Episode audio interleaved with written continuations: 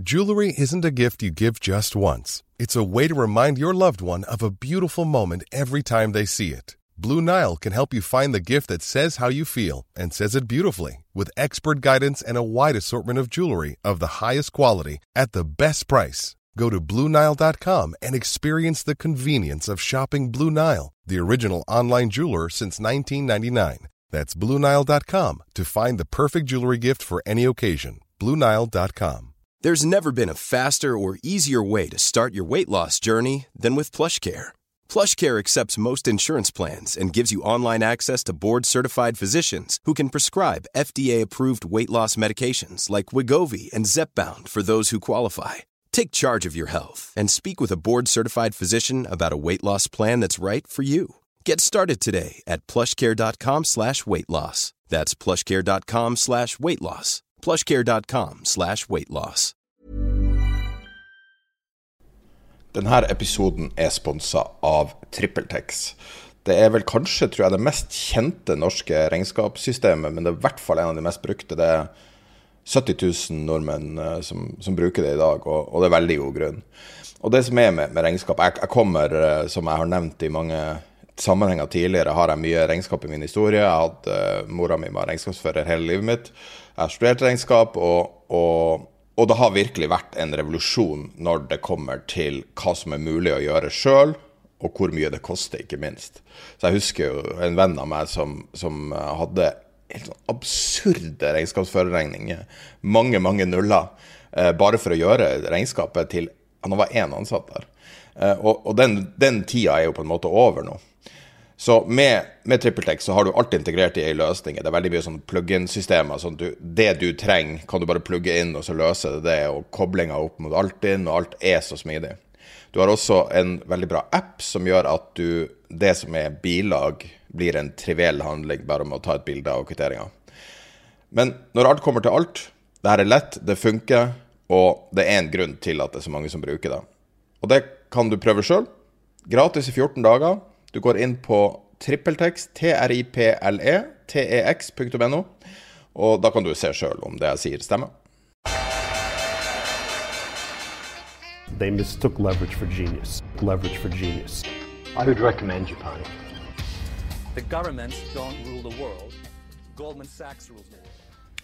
Velkommen til episode 190 av podkasten 'Tid er penger', en podkast med Peter Warren. Jeg heter Sverre og er produsent, og i dag er det en kanskje en litt annerledes episode, men egentlig ikke. Vi starter på markedet, og så eh, har Peter en gjennomgang av det. Ca. en halvtime uti så går vi inn og snakker om statsbudsjett. Og det jeg kan si er, hvis du er sensitiv på at tid er penger snakker om politikk, skip det fra vi begynner der. Det blir litt politikk, dessverre. Men når politikk er inne i det næringsfeltet og finansfeltet, så må vi nesten ta det. Så da er du advart. Men jeg tror det her var en ganske bra episode. Og hør helt til slutten. Det vi har fått hjelp av alle lytterne til å finne ut av noe som, som er viktig å sjekke. Vi går i gang med episode 190. Lite sponsa innslag. Det er ikke så langt, men det er verdt å høre på, for jeg tror faktisk det er noe du har lyst til å høre på. Selv om du er en sånn som alltid spoler over reklame. Um, IG har vært med med å, å samarbeide med Tid er penger fra dag én, og så hadde vi et avbrudd. Vi samarbeida med dem i tre år, og så nå har vi et nytt samarbeid med dem. Og IG har mange interessante produkter. Det er en tradingplattform som tilbyr i praksis tre forskjellige, pluss én papirtrading, tre forskjellige typer produkter som er separert på tre forskjellige kontoer. Det er CFD-trading, som de er veldig kjent for. Contract for difference, som er et derivat av underliggende, der du kan handle mer eller mindre alt som finnes på jorda. Stort sett more or less, long og short. Og så har du eh, barriers og options, men så har du da det som heter Turbo24. Og hvis du har aldri hørt om Turbo24, så kan det høres ut som eh, noe veldig rart og, og uvant. Jeg tenkte jeg skulle forklare litt hva det er, og hvordan du kan bruke det. Så Turbo24 er en turbo-warrant. Kalles turbosertifikater osv. I praksis er det et verdipapir med giring. Det sporer en underliggende aktiva. Du kan gå like lett long som short. Men det som er interessant der, da, er at du har et innebygd knockout-nivå. Betyr det at når du inngår en trade, så inngår du en trade på et nivå. Det vil si at, La oss si at du tar 1 av pengene dine, og så setter du det at du skal tro at oljen skal stige. Så går du long olje, og så sier du at hvis oljen faller til La oss si hvis oljen faller fem, fem dollar fra det nivået, så er det knockout-nivået du har som en del av, av, valget. Det er det valget du tar når du Og knockout-nivået avhenger hvor mye giring du får. Så hvis du er villig til å ta mye risk, så er det også lett å tape penger. Generelt er dette et høyrisikoprodukt. Veldig viktig å skjønne det. Men når du bruker eh, turbo warrants, eh, så gir det deg unike muligheter. Det ene er at eh, Turbo 24-produkter handles kun for aksjer, f.eks. Handles kun i cash-markedet. Dvs. Si vanlige åpningstider på Wall Street. Ikke tilgjengelig for norske aksjer, dessverre. Eh, og det gir deg muligheter til å, å innta posisjoner f.eks. Altså kvelden i forveien, eller hvis du forventer at noe skal skje, så kan du uttrykke ganske spesifikke trades. Så det som er viktig å huske da, er at det her er ekstremt lett at du taper alt. Men hvis det går riktig vei, så kan det gi fenomenal avkastning. Så det som Peter uh, omtaler her som er såkalt path dependent. Vil si at du må treffe på den første på en måte bevegelsen. Med mindre du har en knockout-nivå som ligger så langt unna det nivået i dag at det ikke er fare. Da vil du også få lavere innebygd giring. Eh, produkter som er tilgjengelige på det her, er indekser. Så på indeksnivå så har du syntetiske versjoner av Dow Jones og, og Nasdaq og SMP og mer eller mindre hele verden. Ikke Norge, men Sverige. Så hvis du har lyst til å ta posisjoner med betydelig giring for en liten prosent av din portefølje, så er det en veldig effektiv måte å gjøre det. Så akkurat nå, hvis jeg skulle ha gått short eh, Dow Jones, så vil det gi, med knockout-nivå som ligger nesten på dagens nivå, så kan det gi giring på 100x. Så det er helt vanvittig giring, men det som er fint med det, er at du vet akkurat hva du kan tape. Så på så måte fungerer det litt som en opsjon, men det er egentlig ganske lett. Så opsjoner er jo relativt komplisert. Så det er et fint supplement av et produkt til uh, en, en, trader. En veldig, noe du kan bruke veldig effektivt med ting der du vil ta maksimal risiko. Uh, I tillegg så har du valutahandel. Da har du også de, de store parene. Du har en god del aksjer, alle de store aksjene. Sortert på popularitet er det Tesla, Coinbase, Amazon, Apple, Moderna, Meta, Netflix, Nvidia osv. Par hundre aksjer, de fleste i USA, en del i Europa også. Så har du tilgang på råvarer, amerikansk lettolje, eh, brentolje, altså nordsjøolje, og gull. I tillegg kan du eh, trade bitcoin og eter via samme. Så dette gir deg også da en mulighet der du kan få eh, relativt betydelig, altså seks ganger giring på bitcoin akkurat i øyeblikket, og, og fem ganger på eter i øyeblikket. Så hvis du har lyst til å gjøre sånne posisjoner, så er det igjen med små summer, så kan du gjøre det. Det er tilgjengelig på www.ig.no. Google IG, google Turbo Warrants. Du kan lese mer om det. Men jeg tror jeg går tilbake til episoden. What a day, what a day. Vi har starta dagen med to, uh, to major ting i, uh, i det krysningspunktet mellom politikk og, og, finans. Eller politikk og næringsliv, politikk og økonomi. Uh, jeg tror vi kommer tilbake til begge to. Det, det, vi kaller det death zone. Men skal vi komme tilbake til det? Altså, litt sånn tradisjon at vi starter med markedet og, og si hva som har skjedd, og, og din refleksjon over over hva som er viktig. Og når jeg tar og ser på min watchlist og sorterer på siste uke, så er det mye rødt. Ja, og det, Nei, altså først og fremst så, så, kom vel det akkurat i det øyeblikket øh, folk begynte å bli, bli, positive, for å være helt ærlig. Vi så jo det at det var nå flere og flere som hadde nå snudd fra Også av de som hadde gått negative, omtrent på bunn, de var nå blitt positive. Og dette sammenfalt med at eh, SMP 500 nådde, uh, i hvert fall sånn som tekniske analytikere oppfatter som viktig nivå, Den var i nærheten av handlet rundt 200 dagers gjennomsnitt, og det var Fibonacci-nivåer. Jeg så alt mulig sånn bli, bli forklart. Og så stort sett, ut ifra det Altså vi, vi, snakket jo om det i, i, i, forrige uke, hvor mye mange negative faktorer, ikke minst dette at det, det, det, at covid blomstret voldsomt opp, altså, eller nærmest i den grad du kan si at det eksploderer i Kina så ytterligere, med, med så mange smittede, så, så gjorde de jo vitterligen det, det, også ifølge kinesiske myndigheter. Men i hvert fall Skal vi bare ta ett, en setning om hvordan det har spredd seg i Kina? Ja, det kan vi gjøre. Eh, lokale rapporter sier at en lokal journalist, en uh, Bloomberg-journalist, tror jeg, eh, sier at det kan være så mye som 75% av Beijing som er smitta. 75% av- Beijing. Ja, snakker man ikke om 10 millioner av en befolkning på 25 eller noe sånt? nå? Noen må jo ha Han sa fått det om igjen. 75, og han sa altså, det, det har vært de estimatene. Det, er veldig- det finnes jo ingen tall på det her, så jeg bare sier hva han sa. Han er en troverdig kilde om Kina. Så covid er ganske hardt eh, i Kina. Ja, Øh, så Og en annen ting var at vi, det vi så, var rett og slett at øh, altså forut for fallet så begynte Eller det bidro, bidro nok en god del til øh, fallet, var én at du så mer interesse for salgsopsjoner, men også at man begynte å selge på futures på, på, på det nivået.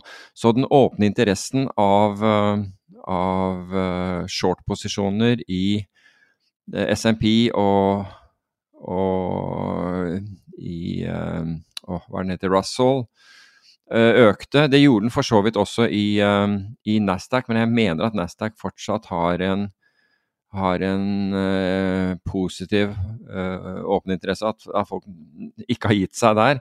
Men i hvert fall for SMP 500 og, og Russell så, så du helt klart at eh, den oppgangen ble, ble benyttet, og spesielt når den kom i nærheten av dette 200 eh, dagers eh, glidende gjennomsnittet, til å shorte, til å sette på nye short-posisjoner. Ikke så rart heller når indeksen har, reager, har liksom korrigert opp 17% fra, fra bunnen, at noen eh, kunne tenke seg å ta gevinst på det, for de som var, var heldige å komme inn. Hvis vi skal se ellers, så altså det var jo eh, det var jo ikke de store egentlige utslagene, eller, eller der hvor de store utslagene var, da. Det var jo i, eh, i nordisk kraft og, og europeisk gass. Altså nordisk kraft for, for levering i neste, neste kvartal, altså første kvartal 2023, var ned 24 og Vi snakket jo om at det var et dramatisk fall der i, eh, i sist podkast også. Eh, og dette skyldes jo eh, mildere vær. Og det har jo da også brakt ned gassprisen, som både for, for europeisk, altså den TTF-en, som, som noteres i, i Holland, Nederland heter det kanskje, og i Storbritannia, begge var ned rundt, eh, rundt 20 TTF-en faktisk falt 15% bare på, på, på fredag. Og utover det så, så hadde du Tesla som, eh, som falt eh, 16% i, i forrige uke. Tydeligvis ikke alt like greit der. Men hvis jeg skal se på, eh, på den positive siden, da, så hadde du naturgass i USA som var opp eh, 4,7% og det var det var ETF-en for eh, oljeaksjer òg, som var opp eh, altså tilsvarende 4,7% mens Brent-oljen steg 3,3 og Men det som kan være interessant med det, det er at hvis du ser på oljeprisen nå fra årsskiftet, så i hvert fall per fredag så var den opp 1,63% Altså på, på året. Altså oljeprisen har bare steget 1,63 mens oljeaksjer representert ved denne ETF-en som heter XLE, som dekker da ø, oljesektoren, den er opp 52% og det her virker jo som en vanvittig mismatch, inntil vi husker ø, at eh, det er ikke bare olje eh, mange av disse selskapene produserer, men også gass. Og gassprisen har da steget 59% Så det er egentlig gass, utelukkende gass som, som drar opp disse, disse selskapene. Ellers, i, i forrige uke, så må jeg jo si at, og som helt opplagt eh, påvirket markedet negativt, det var jo e ECB. Én var eh, renteøkningen, men enda viktigere var signalet fra ECB at de vil starte kvantitative ti- quantitative tightening, hva heter det, kvantitative innstramninger i ja, kvantitative innstramninger i 2023. Altså det, det kom som en bombe på, på markedet. For ECB, altså Den europeiske sentralbank, har jo vært den Altså hvis, du, hvis man øh, utelukker Japan fra, det, fra dette, så har jo den vært ekstremt treg til å reagere. Men nå har de gått liksom Nå har, nå har de gått fra, fra, fra, tomgang til flatt jern, altså rett og slett. Så det traff også markedet ganske negativt i, eh, i, eh, i forrige uke, uke, og vi så det også på spredden mellom italienske statsobligasjoner, altså tiårs italienske statsobligasjoner i forhold til tiårs tyske statsobligasjoner. og den, den spredden gikk da ut uh, nesten 0,3 og og det er mye, uh, for å si det på den måten. Det er mye, altså, så den er nå tilbake på, på, på 2,15. Så um, Faktisk 2,17 i øyeblikket. Ah, ok. Den var, da, da, vi sluttet på fredag, så var den 2,15. Så den har gått, gått, videre ut. Så du kan si at uh, det var en del, det var en del tankevekkere Eh, som, eh, som, som, skjedde i, for, i, forrige uke. Selvfølgelig i tillegg til Kan jeg stille et overordnet spørsmål basert på det du sier? Ja. Folk som er, går bullish nå, er de borderline irrasjonelle? At de ser ikke at de, Altså litt sånn you can't see the forest for the trees. At du fokuserer på den ene positive tingen, det ene makrotallet eller noe, og ikke ser hele bildet. Er det, er det det som er problemet nå, eller er det det at vi står på et skjæringspunkt der eh, vi kanskje står på en bunn, og så vil det være en fight opp og ned, opp og ned, opp og ned før det går en vei? Jeg, jeg tror utfordringen ligger jo i at vi vet ikke svaret før i ettertid. Og sånn har det alltid vært med markeder. Altså det, det vil aldri være slik at når du står på, på, en, på en, eventuelt bunn, at, at, føles uh, At det føles trygt ut å investere. At tenke at her er det bra. Um, på samme måte som det er nesten, eller så godt som umulig å plukke topper, fordi du ser at det er galskapen herjer, men du vet ikke hvor lenge den kan, den kan fortsette. Altså, de makroøkonomiske faktorene er jo, er jo klart negative. Forventningen til inntjening er, er, nedadgående. Så du kan si at du har mange Du har mye det vi kaller headwind, altså motvind.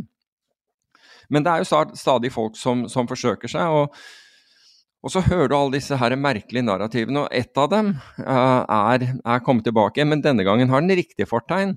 Og jeg, jeg, husker ikke i hvilken Jeg tror det var på sommeren hvor du leste en, en, rapport som kom fra en av de store investeringsbankene som sa om rebalansering, jeg lurer på om det var midt på sommeren, eller i slutten av juni, rebalansering av porteføljer.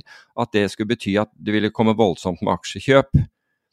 Um, og de som da rebalanserer portefølje, det det er typisk sånne 60-40-portefølje, 70-30, eller, eller hva, hva, hva, hvilken, eh, hvilken, fordeling de har, altså mellom aksjer og obligasjoner.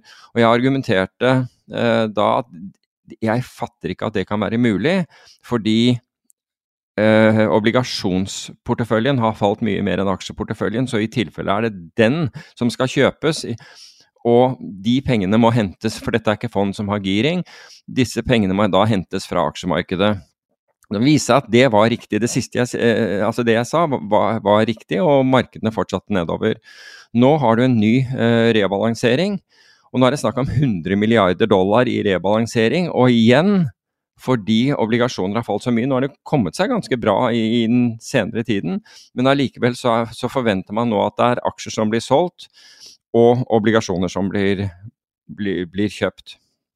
Så det er jo en del sånne faktorer som, som kanskje de aller fleste som leser finanspresset og, og, følger med på den måten, ikke tenker på, som ligger latent i, i, uh, i bildet i øyeblikket. Men jeg tror ikke, altså for å egentlig svare på det du spurte om, jeg tror ikke Det er når det er som svartest at du, at du skal egentlig investere. Jeg føler ikke at det er som svartest fordi mange har klart seg nedover her. Det er jo liksom det er ikke total katastrofe rundt omkring i verden, til tross for 20% nedgang i aksjer i mange markeder uh, og, det tilsvarende i obligasjoner. Nå har det kommet litt opp fra det, uh, begge deler, men jeg føler ikke at det har vært helt sånn katastrofalt uh, på basis av det. Eiendomsprisene er fortsatt opp i år?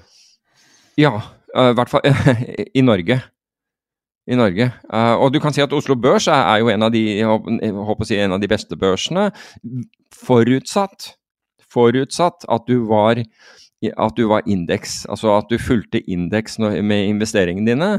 De som har da vært mer aktive, der er det et fåtall som har klart å, å, å gjøre det bra. Mens de aller fleste, altså medianaksjen er fortsatt ned 18% på Oslo Børs. Oslo Børs er ned Oslo under 1 0,92. Nesten, ja, nesten uteluk utelukkende takket være Equinor. Så um, For å sette det, bare sånn for å si hva det betyr, så er det noe man kaller vekting på indeks. Sånn at jo større et selskap er målt i markedsverdi, jo større betydning får en forflytning av den for indeksen som helhet. Og nå har ikke jeg sett på de aller siste vektetallene, men Equinor har historisk sett ligget på rundt en tredjedel, eh, litt mindre enn det, rundt 30 av OSEBX, altså hovedindeksen på Oslo Børs. Så det betyr flytter eh, Equinor seg 1 så vil Oslo Børs da flytte seg 0,3% i samme retning. Alt annet like. Nettopp. Så, um, så, du kan si at her har man Altså hvis du, hvis du, ser på aksjemarkedet, så ser det ut som folk har det veldig mye bedre enn det du hører at de har når du, når du leser finanspressen. For der ser du jo at folk har sitter med porteføljer av aksjer som har falt 60 og 80% osv. De er jo liksom Euronex growth-type uh, investorer. Mens andre investorer har da også opplevd helt klart en, en markert uh, nedgang i, uh, i, sine verdier.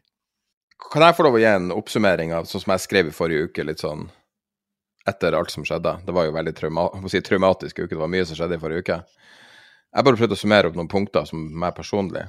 Det som jeg spesielt er uh, bekymra for, er at det er så tynne markeder. Det er så lite handel, og det snakka vi om sist. Og, og, det at du snakker om at uh, folk uh, på en måte holder kruttet tørt fram til i hvert fall nyttår. I tillegg så syns jeg at det er litt sånn urovekkende hvor uklare meldinger som investeringsbankene sender til sine kunder. Altså vil si de, de rike menneskene som har penger i uh, Goldman Sachs og JP Morgan og Morgan Stanley, de store, det er jo en, en ganske betydelig del av, av, den, av det volumet i markedet.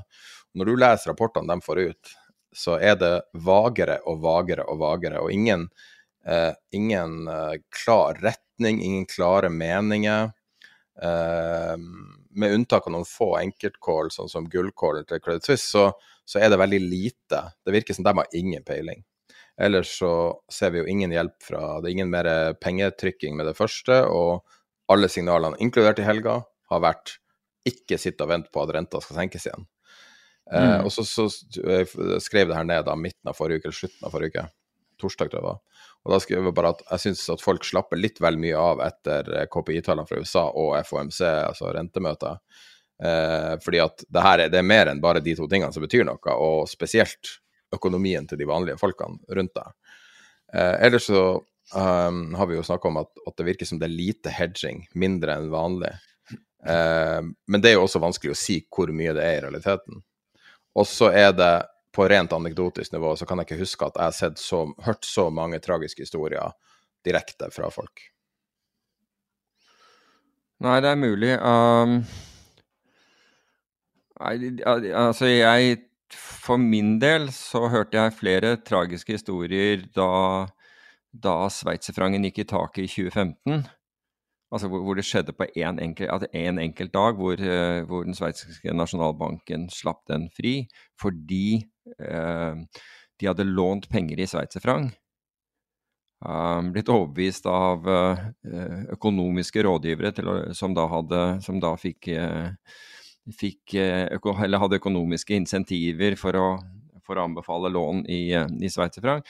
Um, den gangen så jeg kan ikke huske noen, noe som har, som har, overgått det i, uh, i, i, i tragedier, altså, for, å være, for, å være, ærlig. Det, det, er, det, betyr ikke at det ikke er det, men jeg bare sier at i forhold til hva jeg fikk, fikk høre om og det var fordi det kom som et sånt sjokk. altså Dette skjedde jo på, på sekunder den, den dagen, 15.1. Og da har, du, da har, du, på en måte ikke en sjanse til, til, å gjøre noe som helst. Altså Plutselig var gjelden din doblet nesten for, for, noen. Det var jo helt katastrofalt. og Bankene ringte og forlangte mer sikkerhet, og folk hadde jo ikke mer sikkerhet enn huset sitt osv. Og, så og så, nei, det gikk jo helt gærent. Helt Men det var, det var, noen få? Nå er det veldig nei, jeg mange. Syns ikke, ja, altså det er klart at det gjelder mange flere i dag, men, men du kan si at når du når du håper at du skal spare inn kanskje halvannen prosent rente i året, uh, renteutgift i året ved å låne i sveitserfranc heller enn å låne i norske kroner, og så er resultatet isteden at gjelden din er, altså dobles Altså at rett og slett det du skylder er, er, er dobbelt så høy. Altså det skjer i løpet av, som jeg sa, i løpet av sekunder. Da er det nesten Altså det sjokket ved den brå forandringen. Det er jo den type ting. altså Det er jo nettopp sjokk som, som, som slår. altså Hvis vi vi kan ha store endringer, bare de skjer over tid.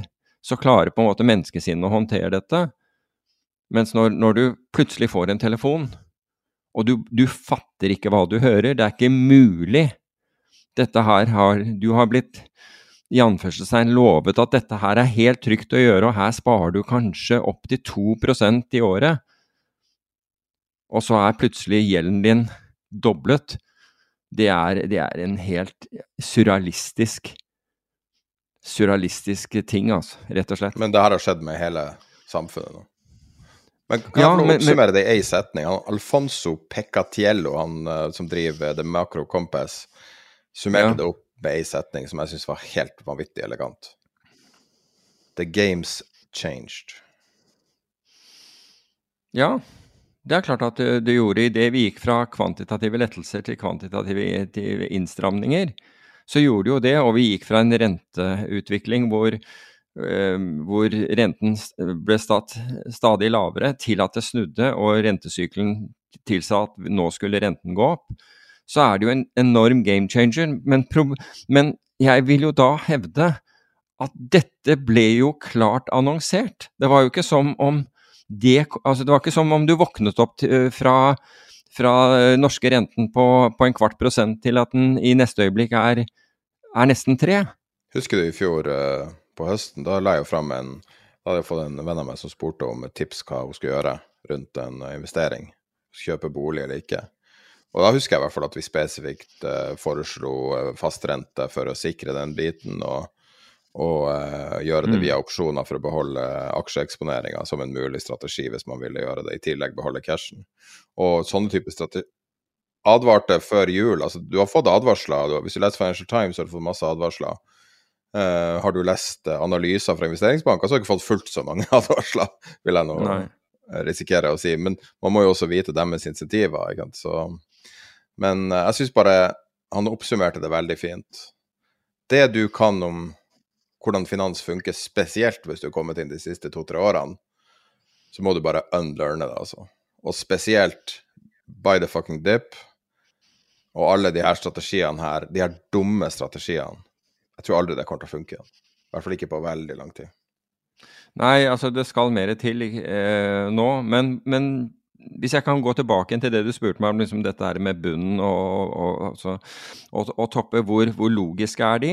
Altså, og bare se på 2022. Altså i 2022 er det ingen tvil om at vi har hatt en energikrise. Det til tross, så hva var det jeg sa, um, olje var opp 1,7% Nå kan du si at gassprisen er opp, men liksom det er 1,7% oppgang på olje. Det er, det er, det er energikrise. Så, så, fikk vi krig. Uh, krigen i Ukraina, altså Russland invaderer Ukraina i, um, i, i andre halvdel av, eh, av februar. Normalt sett, normalt sett, så flykter jo folk til gull. Tvert imot, gull er, gull er så vidt ned på året.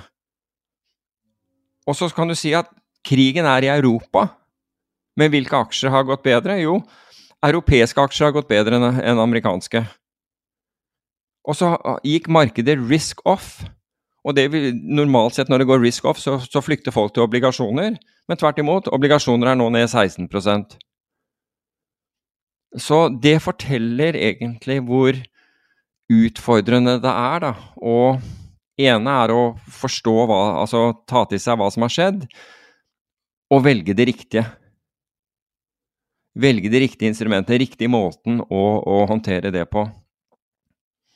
Og når, når, det kommer på toppen av at du har hatt nær Hva, hva blir det? Altså, du har hatt ja, 14 år, eller 13 år med, opp, med oppgang som, som, eh, med sentralbankstøttet oppgang, så, du, så, er det jo ingen som altså Da har du det som kalles recency bias, og da er det jo bare ja, det, det, som det har, det, har, det har, virket så bra i ti år, og over ti år, da, da virker det sikkert i ti år til. Så Eneste du kan si at hvor um, Den åpenbare tingen, det var bl.a. at dollar gikk at, uh, at, uh, amerikanske dollar steg. Og det, de som flyttet pengene sine til, til, til dollar, har jo definitivt klart å, å hedge mye, for å si det på den måten. kan vi touche litt tilbake på markedet på nerdenivå? For at Før vi starta nå, så satt vi og snakka om en analyse som vi hadde fått fra to forskjellige kanter. Og det involverer 38-35. Og det er et nivå på SMP 500 som ser ut som det er viktigere enn kanskje et nivå bruker å være. Kan ikke du forklare litt hvorfor akkurat 38-35 er så viktig? Jo, altså det refererer seg til et fond som uh, JP Morgan har, som hvert kvartal uh, gjør en opsjonsstrategi som er ment som en form for hedge for folk som er long uh, aksjemarkedet. Så hvis du er long SMP 500, så er denne her helt perfekt for deg. Og den består av at de kjøper de kjøper da det som kalles en puttspredd, altså de kjøper en salgsopsjon eh, til nedsiden og utsteder en annen salgsopsjon som er enda lenger ned. Så de, de dekker f.eks. et, et bånd på la oss si 15 uh, fall. Uh, og, så finansieres denne gjennom å utstede en kjøpsopsjon som ligger over markedet. Og det som er tilfellet med denne, dette 3835, det er hvor, uh, hvor kjøpsopsjon det, det, er den striken, den innløsningskursen, som kjøpsopsjonen uh, ligger på. Som, som, da er utstedt. Og det, dette, Vi snakker om noe som er utstedt i mange, mange mange milliarder dollar, bare, bare så det, det, er klart.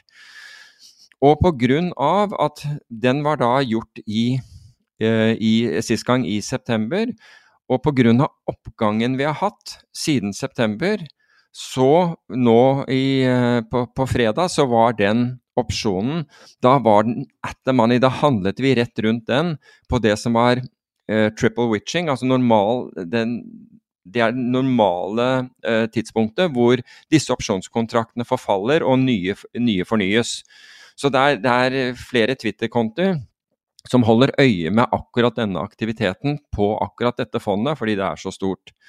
Nå har det seg at dette 3835, den er for i desember, den forfaller den 30.12. og ikke sist fredag, da vi hadde Triple Witching Hour. Antageligvis fordi man ønsker, øh, ønsker, noe helt tett opp til slutten av året, slik at når man inngår Det er mye lettere når man skal gjøre uh, måle no, ting på, på årsbasis.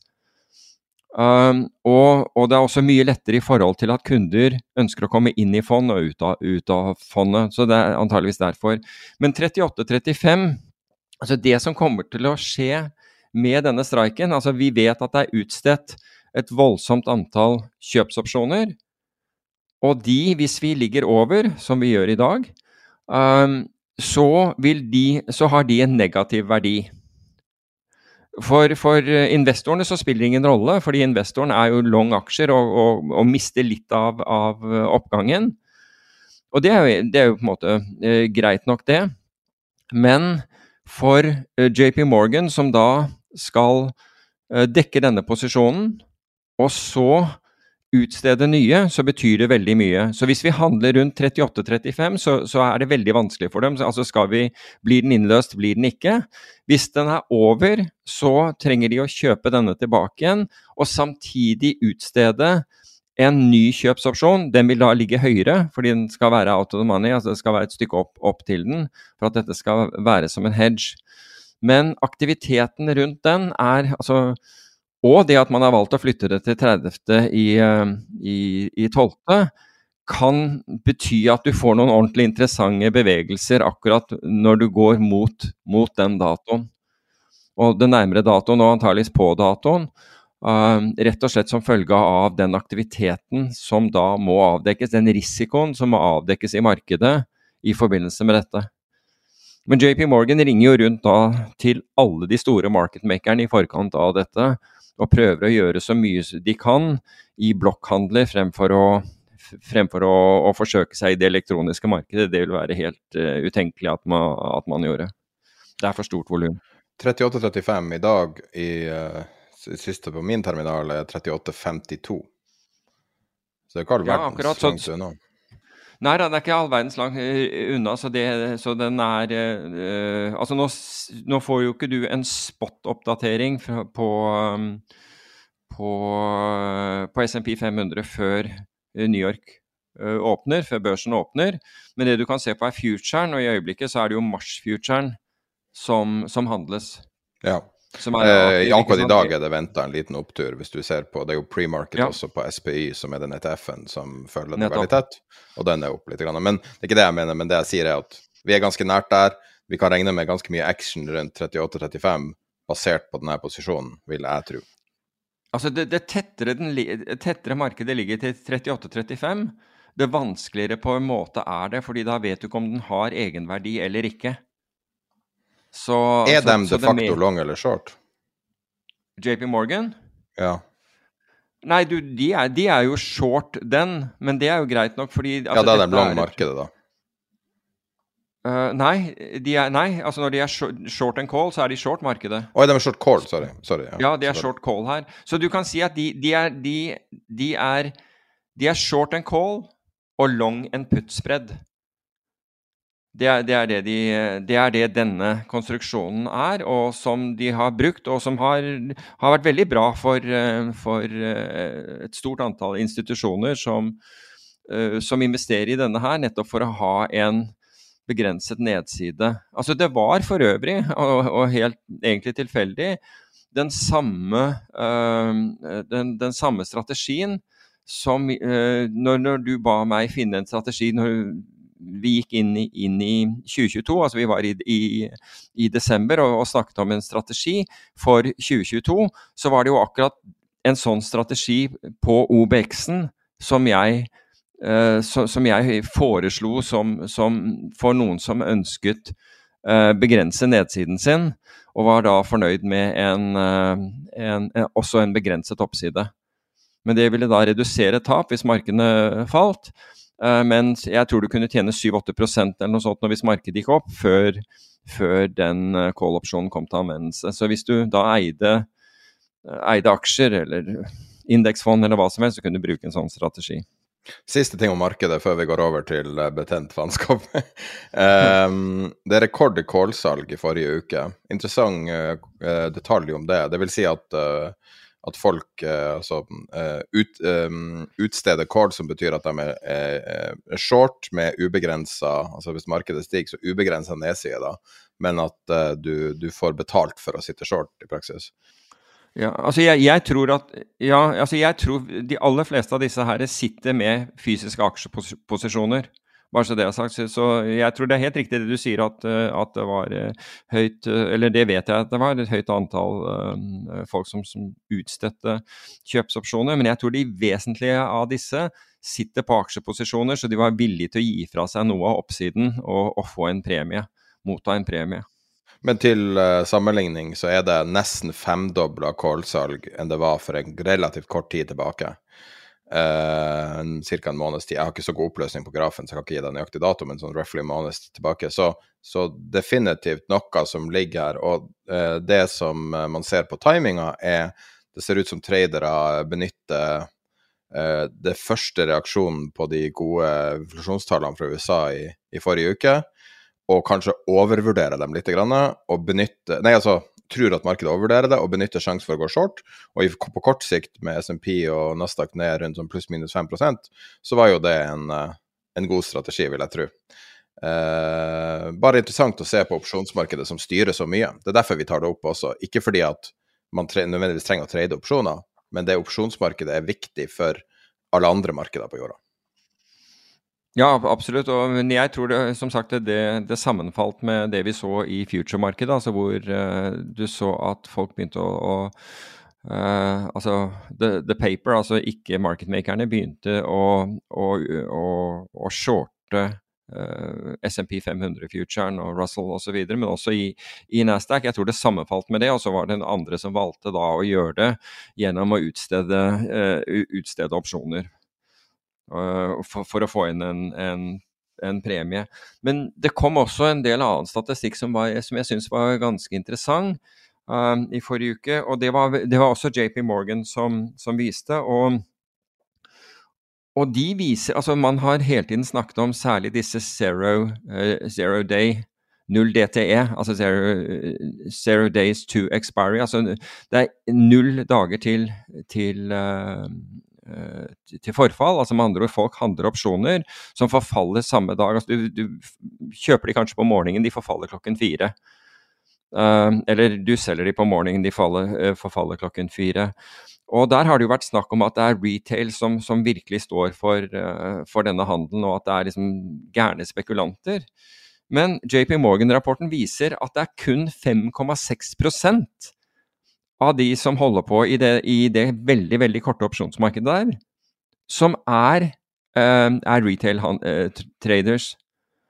Og Altså, og, eh, du kan si at Hvis du ser på totalmarkedet, så er snittet 3,3% så retail utgjør ikke en stor andel av det totale opsjonsvolumet, og i hvert fall ikke i nærheten av hva du får inntrykk av når, når du av og til leser overskrifter. Kan være at uh, retail-tradere, altså småsparere uh, på norsk, er aktive i enkelte i enkelte aksjeopsjoner osv. Men i det totale bildet så utgjør de en relativt, eller en ganske liten del, for å si det på den måten. Riktignok noe mer i disse ultrakorte opsjonene. De som faktisk altså, Og, og en, annen, eh, en, annen, karakteristikk, det er at paper selger, altså med andre ord ikke-profesjonelle, altså ikke-marketmakere, er utstedere av disse, mens marketmakere er kjøpere. Marketmakere legger av risken sin på alle andre måter, bare så, bare så det er sagt. Men det er stor Altså uh, i, uh, På aggregert nivå så er det paper, altså institusjonelle, private, alle mulige in, investorer, altså vanlige investorer, som er utstederne av disse, og marketmaker som er, som er kjøpere. Og Det er også en interessant eh, statistikk, og som egentlig slår i hjel en del av disse uh, overskriftene vi har sett om, om, om, dette. Bare si en siste ting nå som, eh, som jeg glemte av at jeg hadde oppe her. Det er den sykeste staten jeg tror jeg har hørt noen gang om finans. For de siste syv årene så har ECB kjøpt alle utsteda obligasjoner mm. i EU. Alt. Ja. Så kan du tenke deg hvordan livet er etter QE. Altså, vi lever i et helt fake marked. Ja, og du må huske på at, at de kjø... Ja, og, og, og, altså det sa vi til det, det, det kjedsommelige under den perioden. Men det er klart at når alt går én vei, så er det ingen, ingen som bryr seg om det. Ja, og så, men greia var at de fortsatte jo akkurat med den aktiviteten også når renten var negativ. Ikke sant? Så de, du, du, du, går rett inn og får mindre igjen for pengene dine. Altså du låser inn en eh, Du låser inn et tap hver gang du, hver gang du kjøper en obligasjon. Det er interessant. Grei Nei, det er bare en crazy stat, altså.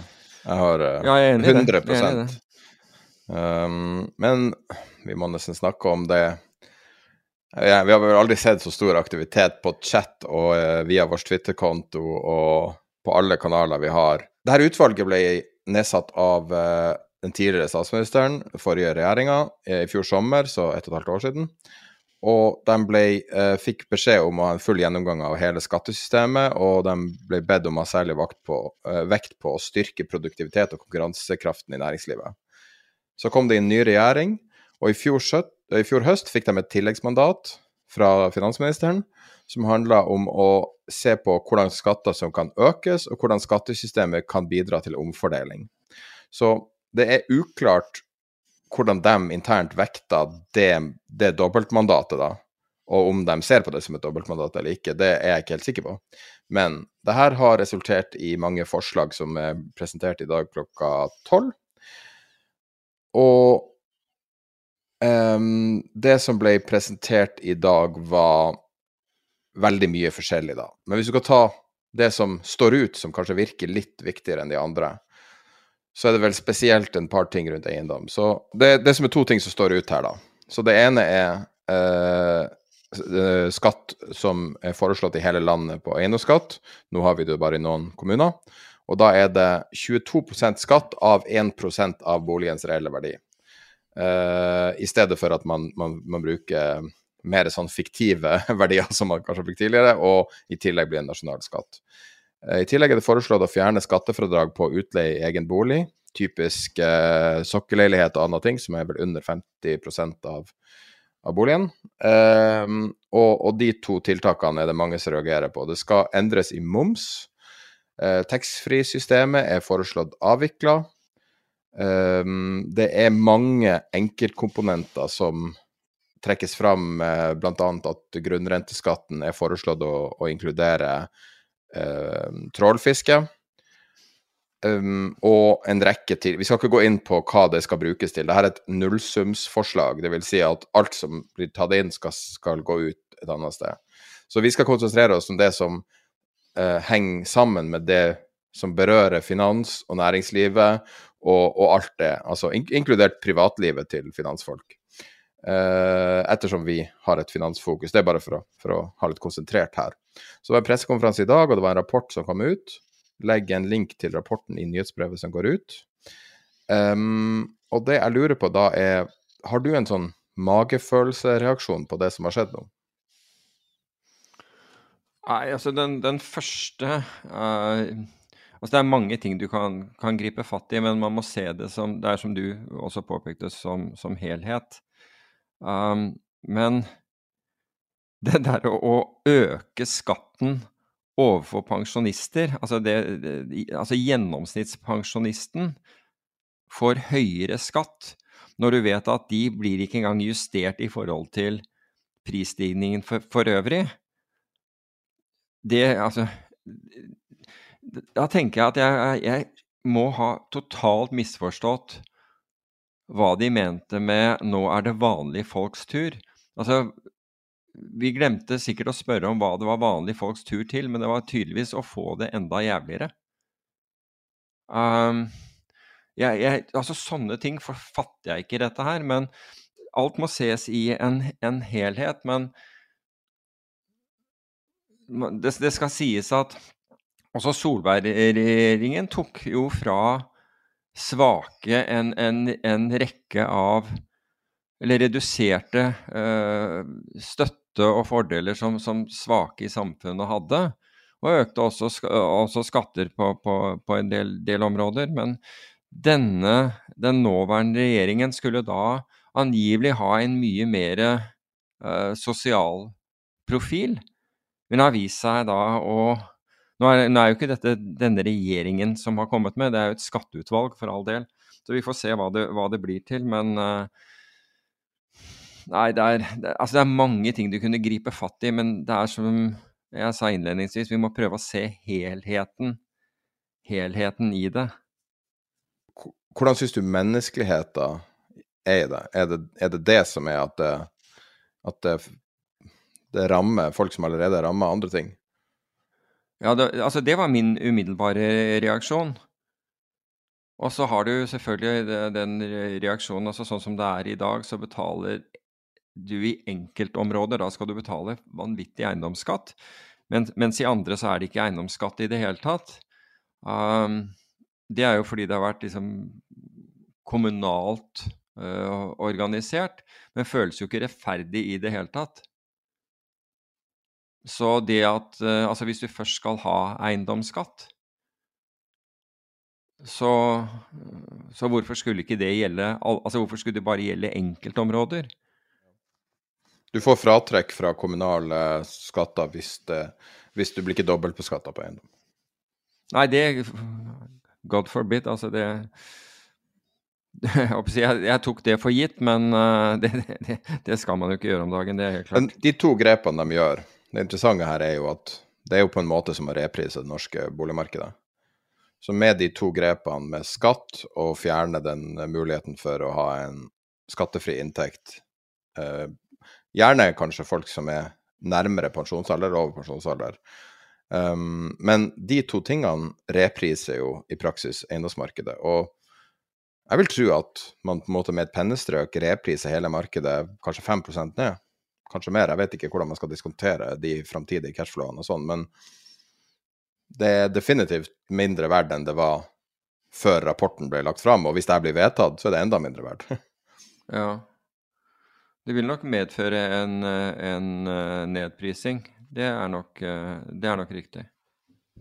Um, men ja, det, det, er vanskelig å si hvor, altså hva som er, er, tenkt av hvordan. Det blir jo sikkert debatter om dette her hvor det blir mer nyansert. Og det er alltid farlig liksom bare hive seg på uh, Altså den, uh, den, den, den, første refleksreaksjonen behøver ikke å være riktig, for å si det på den måten. Ja, nei, det er vanskelig å fordøye det her. Um jeg vet nesten ikke hva jeg skal si. Jeg forventer jo bare at alt skal være elendig. Liksom. At det er jo ikke jo, noe men, som har gått rett det siste året, så hvorfor skulle de ja, gjøre noe riktig her, liksom? Jeg mener, nå, nå, flytter jo Altså, nå, nå flytter jo så nå, nå, er det, nå, er det, så Altså, nå, forstår man jo, ikke sant. Nå, er det ca. 700 millioner kroner i, i året i skatteinntekter flyttet ut av landet. Um, og det er selvfølgelig mye, Tallet er egentlig mye høyere enn det, for nå ser man på direkte skatteinntekter. Nå ser du ikke på det som kommer gjennom moms og at du bruker uh, altså det forbruket du har og, og, andre ting.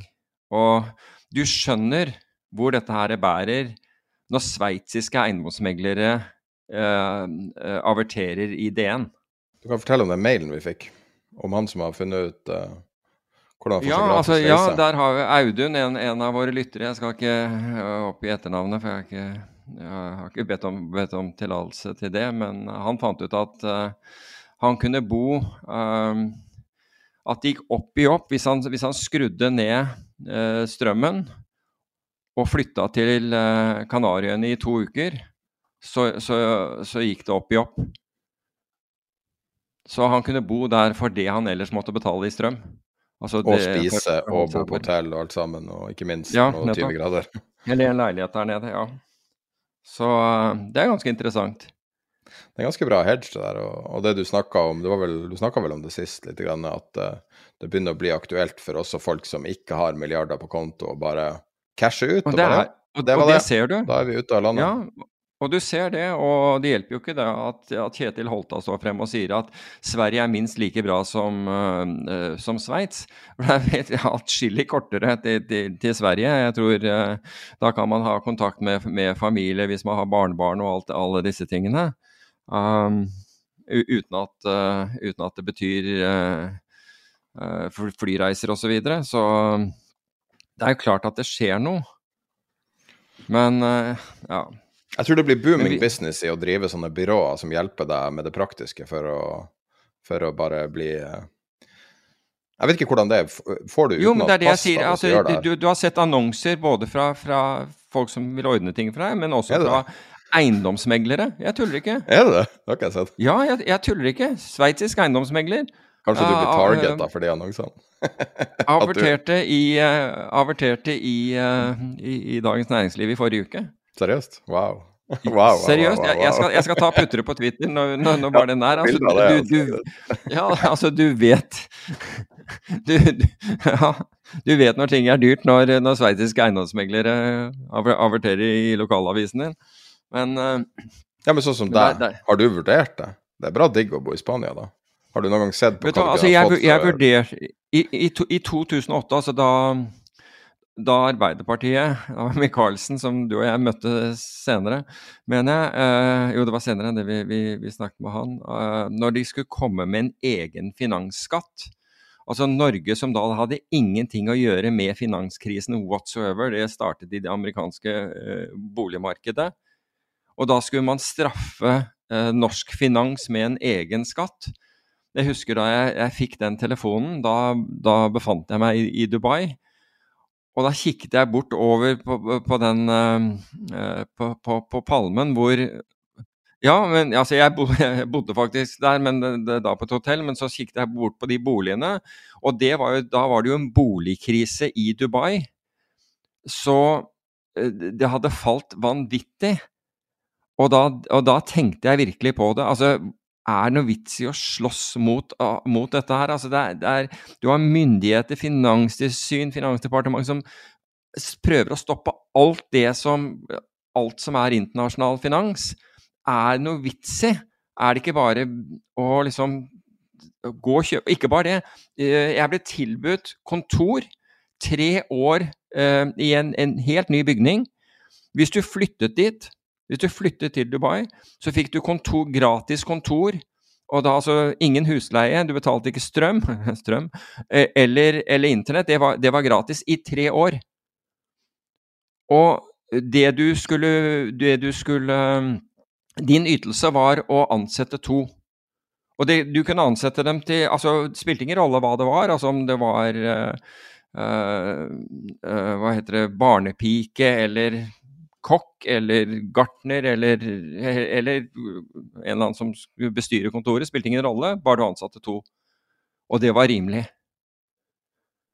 Nå er jo selvfølgelig Sykt at vi har den samtalen, altså. Ja, på, på en måte eh, så, så, er det det, men det er helt sånn der, altså. Ja, Men hvordan skal, du, hvordan skal du cashe ut Alle sitter på eiendomsformue i Norge. 80% av boliger er jo eid, omtrent. Og hvordan skal du cashe ut på den? Det går ikke an, annet enn å bo i den. Med mindre du forlater markedet. Og det er jo det som er hvis du bor i Oslo og flytter til eh, en av lite sted, så kan du cashe ut mm. og, og, basically være formuen resten av livet. Det er jo noe du, du på en måte kan bygge videre på som en formue. Og, og sånn som ting det her er det Vi har snakka om det mange ganger for mange år. Og det er det at det er ikke det om det er rett eller galt at folk som har om det er lite eller mye penger, blir hardt skatta. Det er ikke det som er poenget. Og, og jeg er veldig for, for, den, for den, norske modellen og, og, velferdsstaten, ekstrem beskytter av det. Og, og, det er ikke det det er snakk om. Men det er det at alt den uforutsigbarheten, og det at du hele tida blir fortalt at alt liksom alt er galt, og, og, du tar feil, vi har rett. Vi skal, vi skal um, passe på å gjøre alt for deg. Uh, det står i partiprogrammet til uh, tidligere Norges største parti at de vil GPS-overvåke biler. Altså, det er liksom Vi har ganske lite frihet her. Og på et eller annet tidspunkt så sier vel folk Men jeg kan jo bare flytte.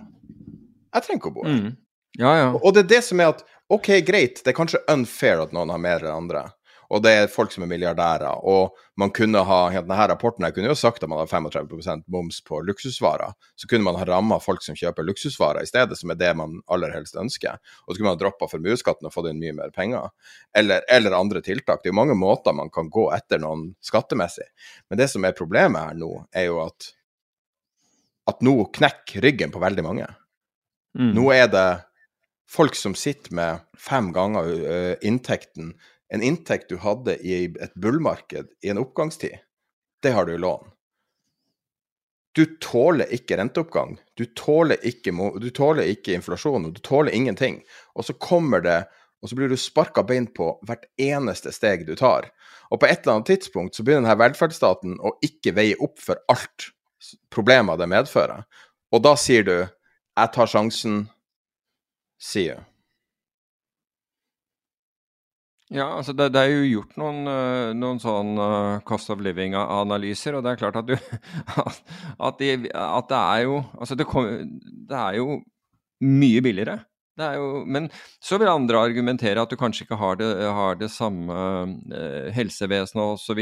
Men igjen, der argumenterer andre med at de forsikringene de kan du skaffe deg, og de koster ikke Altså du, du, du kommer ut i pluss uansett. Men, Koster mindre enn boligen din uh, er verdt mer enn nye boligen din, for å si det sånn. Ja, altså, så Mat halv pris. Bil halv pris. I hvert fall. Men altså, ba, bare se hvordan vi, vi, liksom, vi fungerer her. Altså, da, da Lan Marie Berg sa, brukte uttrykket 'superprofitt' tolv ganger på, på begrenset taletid under debatten, altså uh, med, med, med, Fredrik Solvang, så var det plutselig Altså oppdrettsnæringen uh, da, var det liksom, da var det greit at opp, oppdrettsnæringen over natt fikk en monsterskatt. En monsterskatt som Altså, det var ikke det at man ikke Altså, det har jo vært Det er jo få, egentlig få som argumenterer mot at, at den ikke kunne bli um, tatt i betraktning uh, gevinster, at den ikke kunne bli uh, skattlagt hardere. Men det var, også her så gikk, gikk man fra tomgang til flattjern. Ingenting i, imellom. Og så, han, og så, svarer man at ja, men dette er ute på høring, og vi skal høre alle. Men de vedtar, de den og setter den i effekt før høringsfristen er ute. Og Da forteller du hvor, hvor seriøs den høringsfristen er. I det momentet, hvorfor er det ingen som, snak, er det ingen som sier superprofitt tolv ganger på samme tid på, på, på, på et tilsvarende eh, sendetid når det gjelder strøm? Ja, men hør her. Det koster 12 øre per kilowatt-time. Og du har 60 ganger profiten på den. Opp, altså, hvis dette her handler over 7, altså, si 7,5 kroner, da.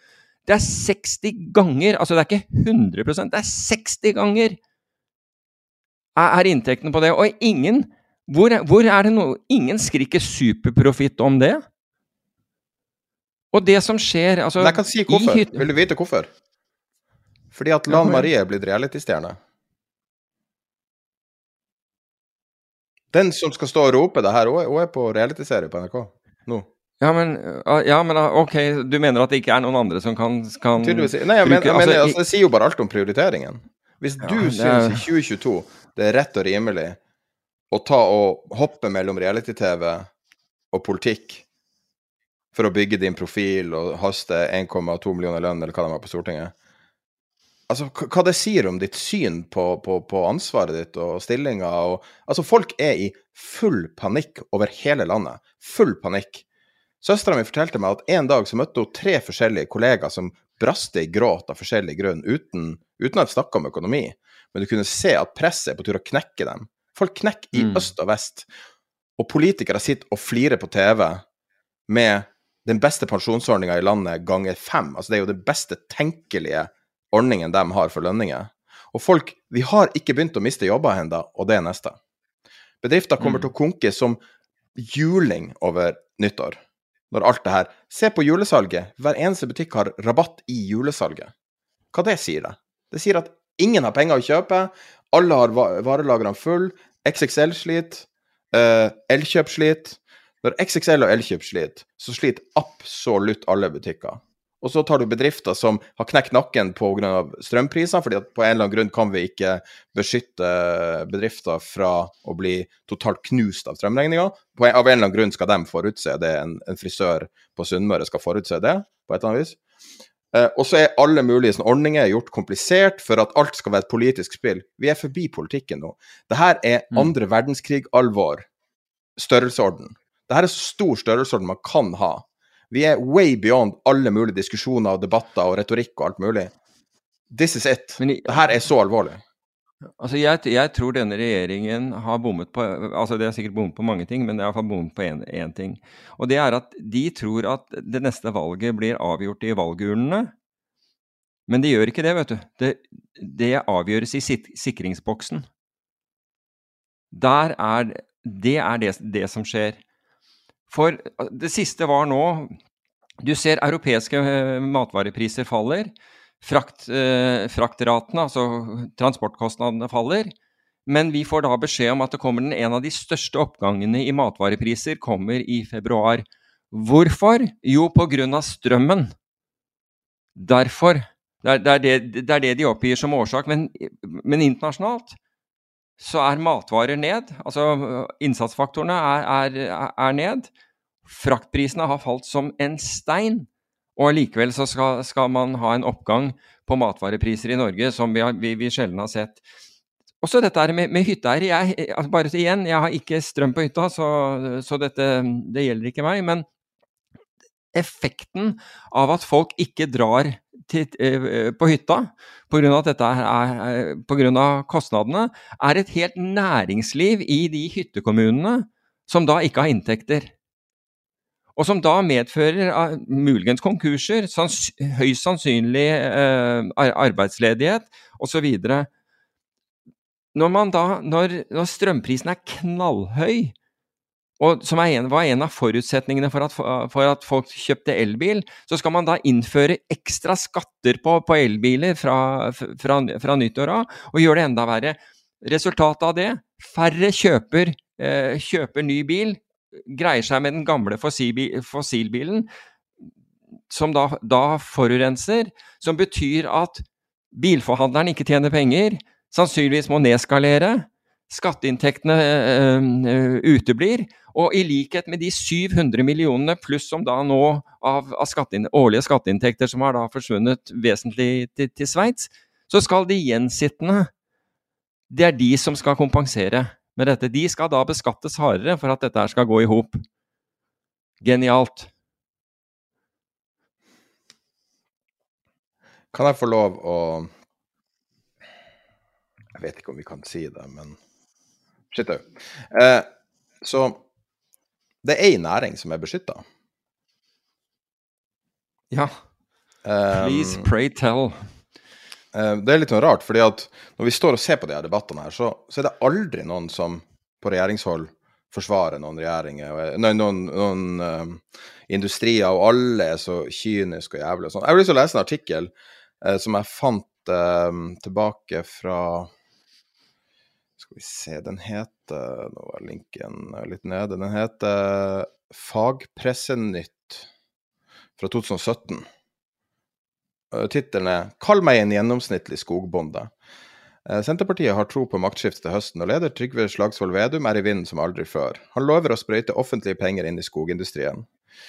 Eh, vi svinger inn på Bergby gård hos Trygve Slagsvold Vedum på Ilseng i Stange en formiddag før jul. Det spraker i peisen kjøk på kjøkkenet fra egenprodusert ved.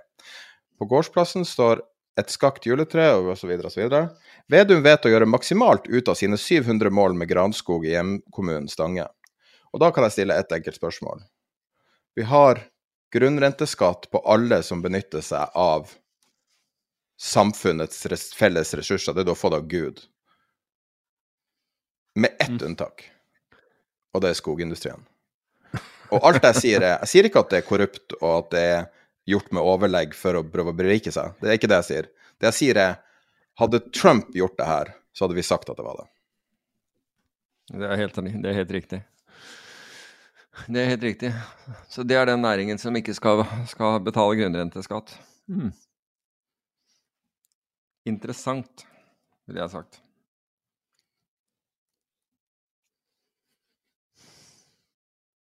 Skal vi snakke om Biden?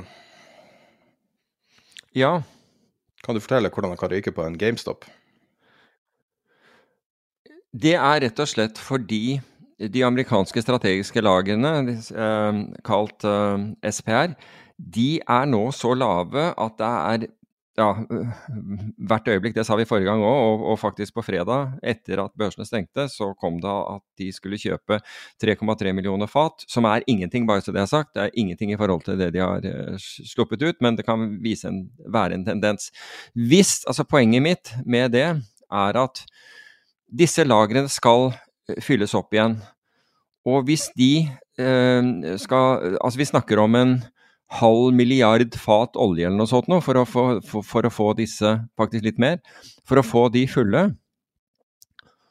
Og Biden har, som vi nevnte sist gang, en unik mulighet. Han, han ser ut som en helt. Han har fått ned drivstoffprisene uh, og har klart å holde altså ved å, å, selge fra de strategiske lagrene. Og hvis han da snur og begynner å kjøpe uh, olje, så vil han høyst sannsynligvis få en gevinst på dette. Men venter han og markedet, noe i markedet skulle tilsi at oljeprisen steg uavhengig av dette, og det er mange ting som, som uh, kan, kan, gjøre, bare så det er sagt, så kan han bli løpende etter denne her, akkurat som Archegos uh, Nei, det var ikke Archegos uh, som løp etter GameStop, det var Melvin Capital. Måtte løpe etter, etter GameStop-aksjer. For, for, på et eller annet tidspunkt altså De er nødt til å si fra på forhånd de, før de begynner å, å, å, kjøpe.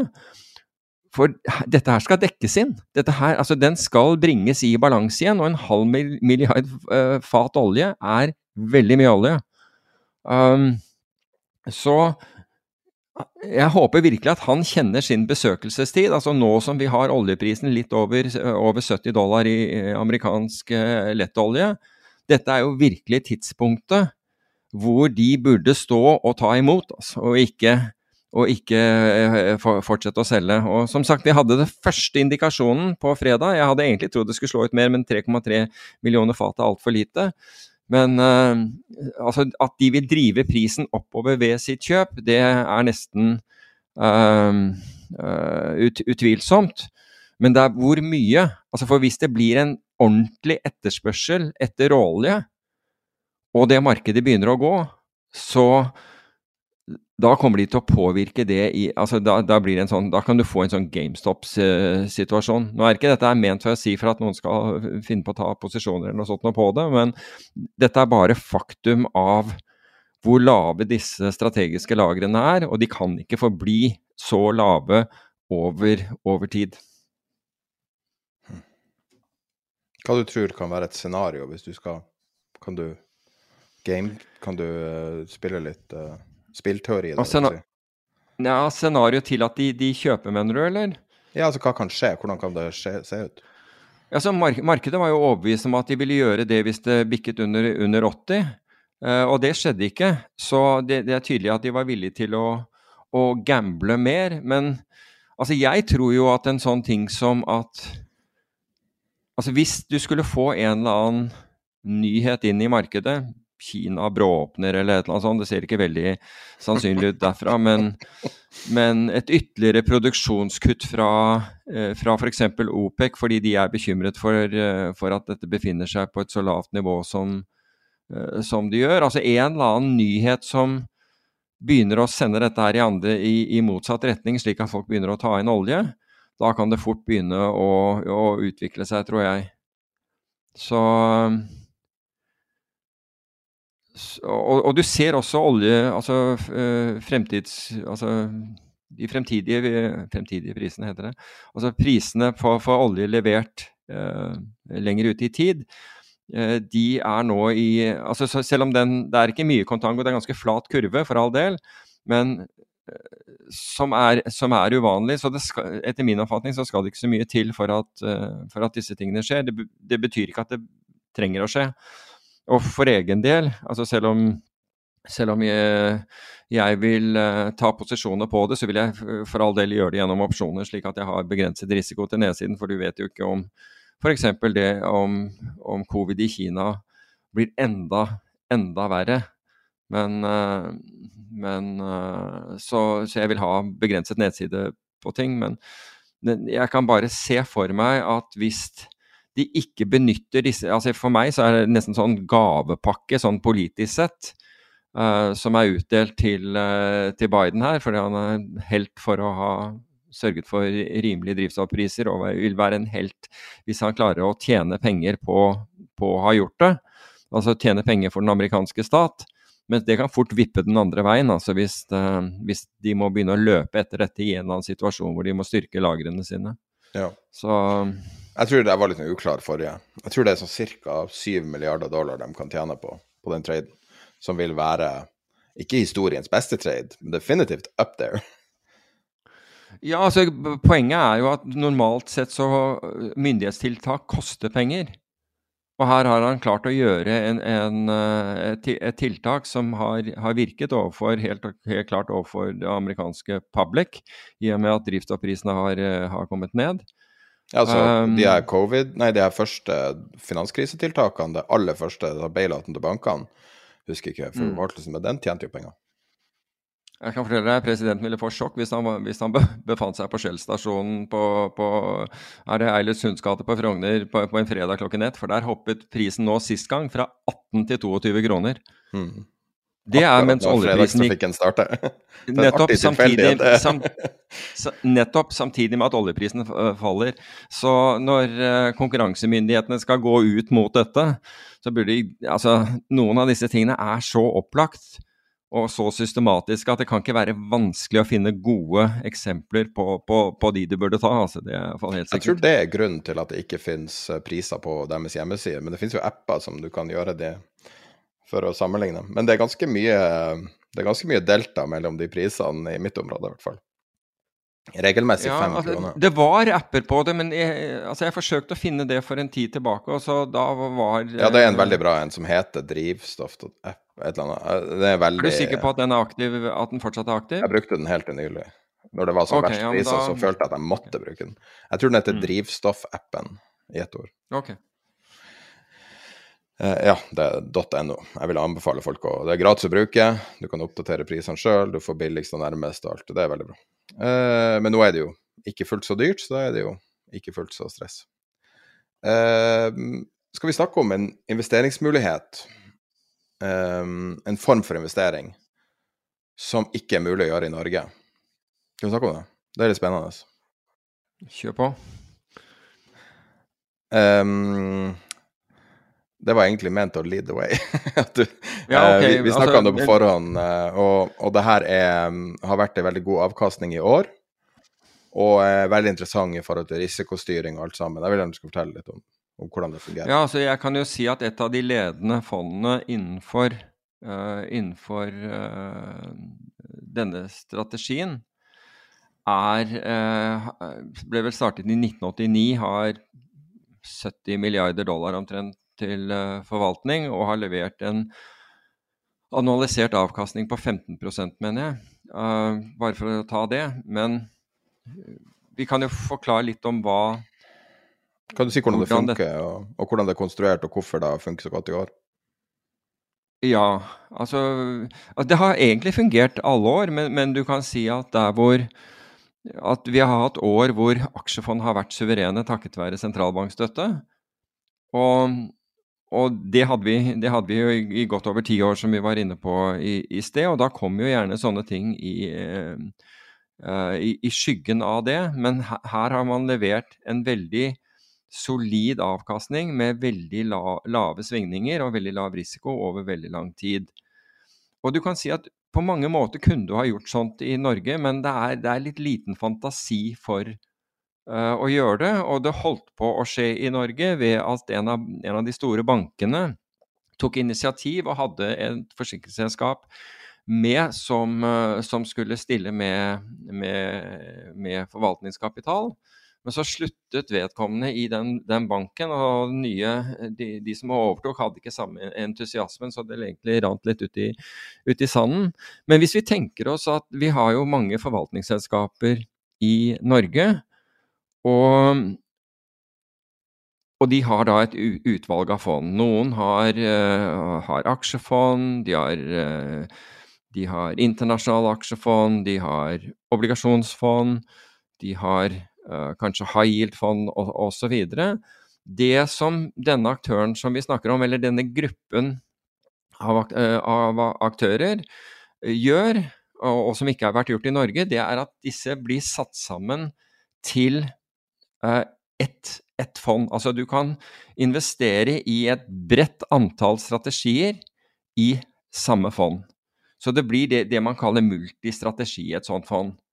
Um, det, det, det, fondet som eh, jeg siktet til i, i, sted, det har over 290 forskjellige grupper av forvaltere. Og kan, de, det kan være Jeg tror ikke det er noen av dem som er én person, men det fins noen hvor det er bare to personer. Fordi de har backoffice og alt mulig sånn, det er sentralisert. Så det kan være to personer, og noen er sikkert 10-15 personer i, i, i eh, et team, som da forvalter ulike strategier.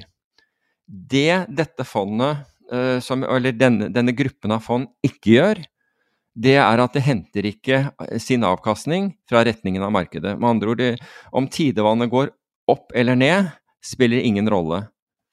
Hvordan strategier er det det bruker? De, bruk, altså, de, de isolerer seg fra øh, fra, øh, fra, fra, aksjemarkedet. Er, mange av dem handler i aksjemarkedet, men de Altså la oss si at du er innenfor energisektoren, da.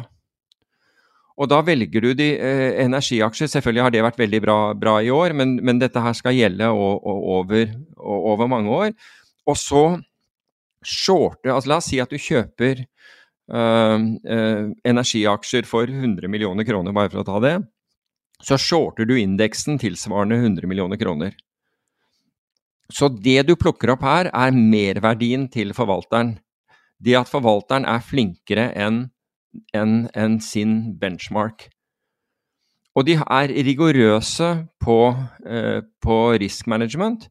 Og det er hvis et, altså hvis et forvaltningsteam taper 4% på en måned, eller bare er 4% ned, så blir allokeringen, altså den kapitalen du får til å forvalte, halvert. Taper du ytterligere 4% så er du ut. Da har med andre ord Du, du eh, Tapet ditt vært på 6 jeg, jeg, tror ikke det er mange norske forvaltere som hadde klart å, å holde seg innenfor så strenge parametere på, på, risiko. Fordi de er vant til å altså Hvis aksjemarkedet er ned 15% så er de ned 17 det, det spiller ingen rolle. De er omtrent, det er omtrent det samme som markedet, for å si det på den måten. Men poenget her er at det er ekstremt dyktige team de byttes ut. altså Hvis, de, hvis, du ikke gjør det bra nok, så, så, så, blir du byttet ut, for å si det på den måten. Men du kunne gjort det samme i Norge. Du kunne tatt akkurat du kunne tatt, disse, du kunne tatt team, ta, alle disse som mener at de er fantastiske aktive forvaltere. Kan du se hvor fantastiske de er, hvis du fjerner da nettopp det som er tidevannet går inn eller ut, fra det de gjør, og så leverer de da den avkastningen de kan over det. Kan jeg komme med en liten kommentar til det, til så langt? Ja, kom igjen. Vanligvis så henvender vi oss aldri direkte til lytteren, og vi prøver å fake og late som at vi, at vi, bare snakker med hverandre. Og man glemmer jo veldig ofte at det er et publikum. Men det her er henvendelse direkte til lytteren. Når du hører Peter fortelle denne historien, så tror jeg det er vanskelig å ikke si det her høres ganske appellerende ut. Og det som er så rart, er Hvis vi fjerner ordet hedgefond fra en fortelling om det her, så forandrer det helt hvordan du oppfatter det. Fordi at det meste av kritikken rundt hedgefond er, knyttet til navnet og følelser og alt mulig som ikke har noe å gjøre med virkeligheten. Og det her er det norske investorer går glipp av pga. et regelverk som er basert på Som er bygd opp i panikk etter NRK hadde feilaktige reportasjer for 14 år siden. Derfor kan du ikke ha tilgang på det her i dag. Derfor taper du penger i dine aksjefond i dag, fordi at det fins ikke et alternativ med mindre du gjør det sjøl. Eller du forlater landet og gjør det i det landet, andre landet der det, der det er lov. Dette er vanlig i mange land. Um, men det er rart når du fjerner ordet hedgefond, så forandrer hvordan du oppfatter det seg helt. Altså Det som er, er at de velstående gjør jo dette her i, i, Norge. De velstående er investert i den type fond, og de er investert i andre typer av, av hedgefond. Men poenget her er at du setter sammen ulike inntektsstrømmer. Altså kan, det kan være inntektsstrømmen fra high yield eller hva som helst annet. Og, du, og mange kunne gjort det. Altså se på det som skjer med de forvalterne, de eh, aksjeforvalterne som også har hedgefond, er, er stort sett at de går akkurat likedan. Du har et av de store forvaltningshusene i Norge. Aksjefondet deres og hedgefondet deres er, er, er, ned like mye i år. Da har, da har de ingen diversifiseringseffekt whatsoever. Mens det du kunne gjøre, var er egentlig å ta disse teamene, ta og allokere penger til de ulike teamene, bare at det kommer da inn til ett fond. Og så har du da en gruppe i det fondet som sørger for risk management i, i fondet som da sørger for at du kunne hatt en egen gruppe som bare sørger for å beskytte nedsiden. Egen, eh, altså beskytte deg fra, fra, fra, fra, kursfall. Men da må du selvfølgelig se hele tiden hvilken risiko denne, de, de, ulike fondene har, og klare å, å, regne om den. Og det er fullt mulig å, å, å gjøre. Men dette kunne vært gjort. og du har, Ta f.eks. Storebrand, som har massevis av fond og masse kompetanse. De kunne veldig enkelt ha gjort noe slikt nå. Gjensidig kunne sikkert også ha gjort det, men du må ha ekspertisen og kompetansen på hvordan du sikrer nedsiden for at dette her skal, skal um, kunne, kunne, fungere. Så kan du si hvorfor gjør ikke disse det hvis det, hvis det er så enkelt? DNB f.eks. De har riktignok et multistrategifond, men jeg tror jeg, jeg lurer på om det sitter i, i, uh, i, i Sverige. Og, det, og, der tror jeg ikke det er Der er det ikke ulike team uh, som handler det sånn som, som den uh, jeg nevner. Men det er rett og slett fordi kundene betaler likevel, og da slipper du å, å, å, gå til en, en, sånn jobb. Altså du, myndighetene gjør alt det de kan for å presse alle investorer inn i aksjer og obligasjoner. Og da trenger du ikke å gjøre noe mer. Du trenger på en måte ikke å ha noe som er bedre. Mens family offices i Norge, omtrent alle som en, har, den, har ulike inntektsstrømmer som, som en del av strategien sin, som sørger for at når Hvis du taper på én del, så har du andre ting som også tjener penger. Så Men det som det, Altså, årsaken til at vi tok opp dette, det er fordi disse multistrat... Dette har vært et vanskelig år for de aller fleste. Og her har Multistrategifondet gjort ekstremt bra. Her viser de virkelig sin verdi. De store eh, multistrategifondene der ute har virkelig sin verdi ved at de, har, de er Alle er Altså alle disse store er opp betydelig. Altså tosifret uh, i, i år. Men det, det, enda bedre med det er jo at de, har, de leverer jevn og god avkastning så godt som hvert eneste år. Så det har masse for seg, og det ville øke kompetansen betydelig dersom du hadde, dersom du hadde den type eh, kompetanse også i, i Norge, istedenfor at alt skal dreie seg om, om aksjemarkedet eller, eh, eller high yield-markedet. Men det som er, du, du, sier at det er lov for de, rike, og det er jo eh, altså, Om du er profesjonell investor eller ikke, er jo sånn man, ja, man skiller det. Eh, og en av de tingene som, som, er krav for å oppnå den statusen, er bl.a. formue.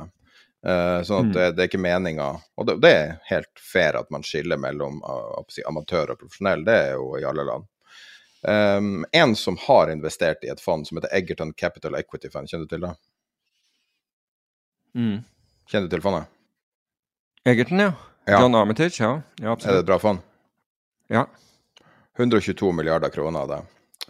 Uh, I 2016 var en norsk profilert person hadde 64,4 millioner kroner i det. Uh, det var uh, primært én person, og så var resten av familien i det. Og det var også noen andre eierposter i noen diverse eiendommer som, som ikke er uvanlig. da VG ringte han, så opplyste han Eller Dagens Næringsliv starta det, så VG. Så solgte han øyeblikkelig seg ut av alt i det fondet, som du sier, et bra fond. Og, men svarte ikke på følgende spørsmål. Hva er navnet på fondet i Egertun du har investert i? Hvor lenge har du hatt penger i fondet? Hvor mye penger har du investert? Hva er gevinsten? Hvem som bistår å selge andelene? Eh, om han hadde engasjert eh, advokat. Eh, det er Norges statsminister som. Ja, det var Jonas Gahr Støre som hadde pengene sine der. Og det er og, og, mitt poeng med å ta det opp på den eh, dramatiske skuespillmåten med å ikke nevne navnet og beklage, det var et forsøk på å være clever. Jeg tror ikke det var så veldig clever, men det var et forsøk på det. Poenget var hedgefondet er ikke noe slemt. Hedgefond forvalter pensjonspenger. Det handler om at man ikke skal bare sitte og surfe på tidevann og vente på at alt skal vokse inn i himmelen, og at man må trykke penger for å skape det miljøet som er det verden har gjort de siste 12-14 årene. Um, kanskje vi burde slippe til de her fondene uh, i større grad, og at de har lov å markedsføre og gjøre, og gjøre, ting som andre norske fond. Fordi at det er ikke bare tidevannet vi kan leve av. Vi kan stå foran 15 år med et flatt marked. Det kan være nedtur engang. Alt kan bare stoppe. Hva skjer da med sparepenger? Må, man må ha alternativer til tidevannet.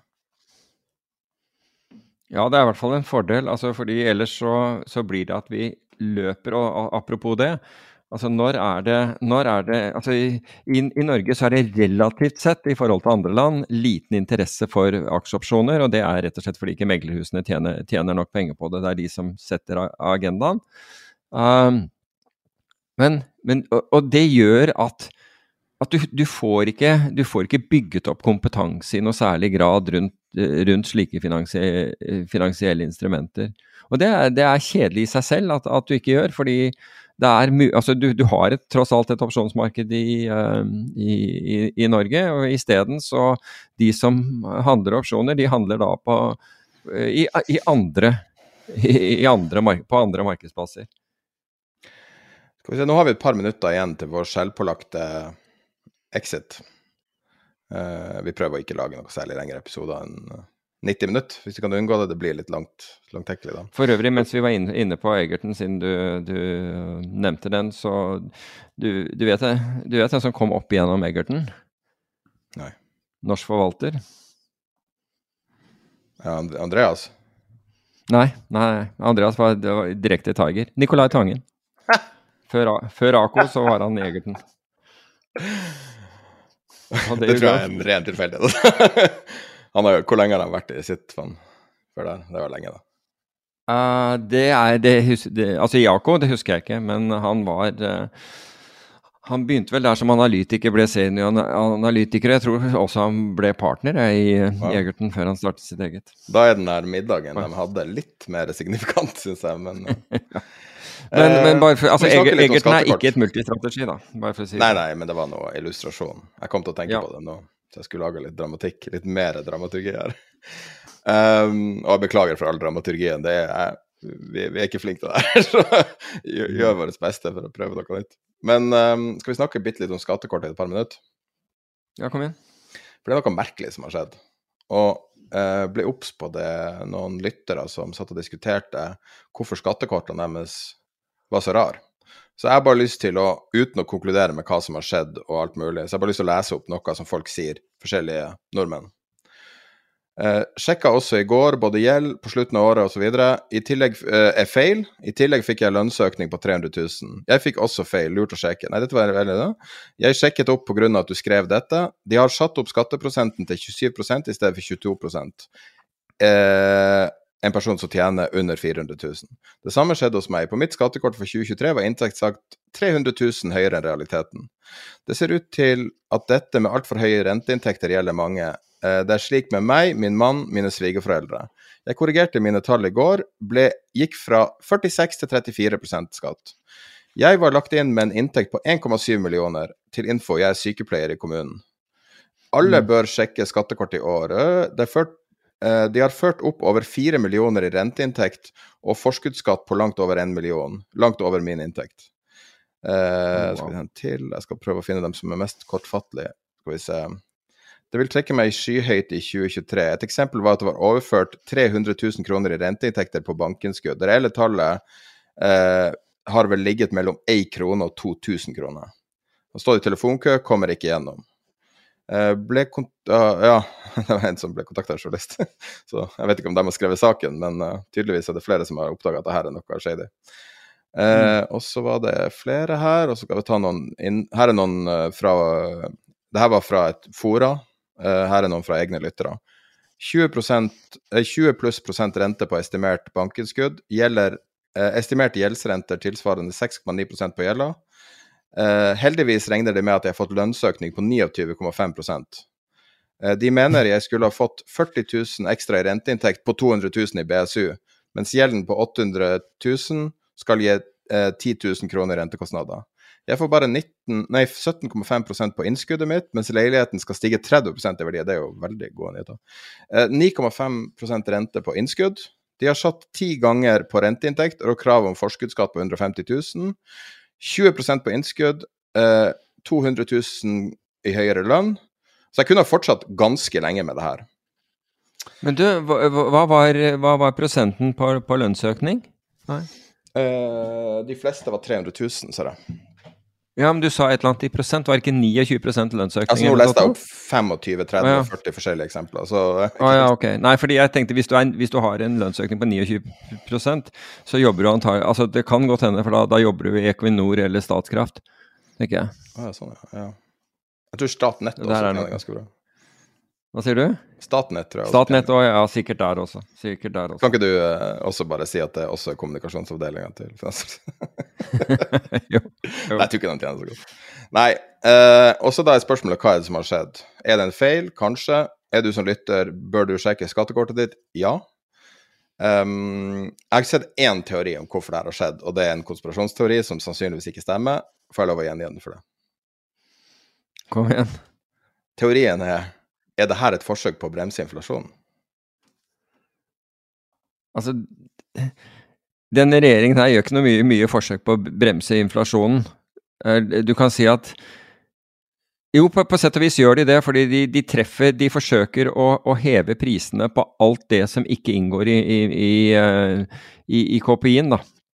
Så, så, du kan si at med, med, å heve priser på biler Det er mange sånne ting som, som man gjør. altså de Skatter og avgifter. Så, så, så slipper man unna, ikke sant. Og så det, Hvem vet? Hvem vet? Det høres, det høres voldsomt ut, da, det, akkurat i de, i de tilfellene du nevner. Men hvis det er en systematisk feil, altså hvis det er en systematisk feil hos skatteetaten så Det ene er at det er antageligvis en skandale i seg selv, men det, det er jo merkelig at ikke, at ikke medier har, har, oppdaget dette.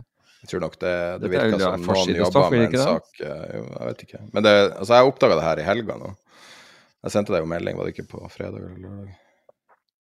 Ja, altså hvis du går inn, vi har en egen kanal på vår chat, tiderpenger.no skråstrek eh, livechat eller noe sånt. Um, og der er det masse, masse mer. Masse, masse mer. Og um, i min familie var det dem som sjekka, hadde ikke fått feil, men det var en del som uh, de måtte se på av uh, diverse sånn hvor, mye de forskjellige um, uh, Altså de forskjellige avskrivningene eller uh, fradragene og sånn var. Så ikke helt sikker på det. Så jeg har ikke personlig erfaring med det her, men gjennom chatten har vi ganske mye indirekte erfaring. Mm. Og uh, her er en kar som sier at ei venninne har fått dobla inntekten fra 2022.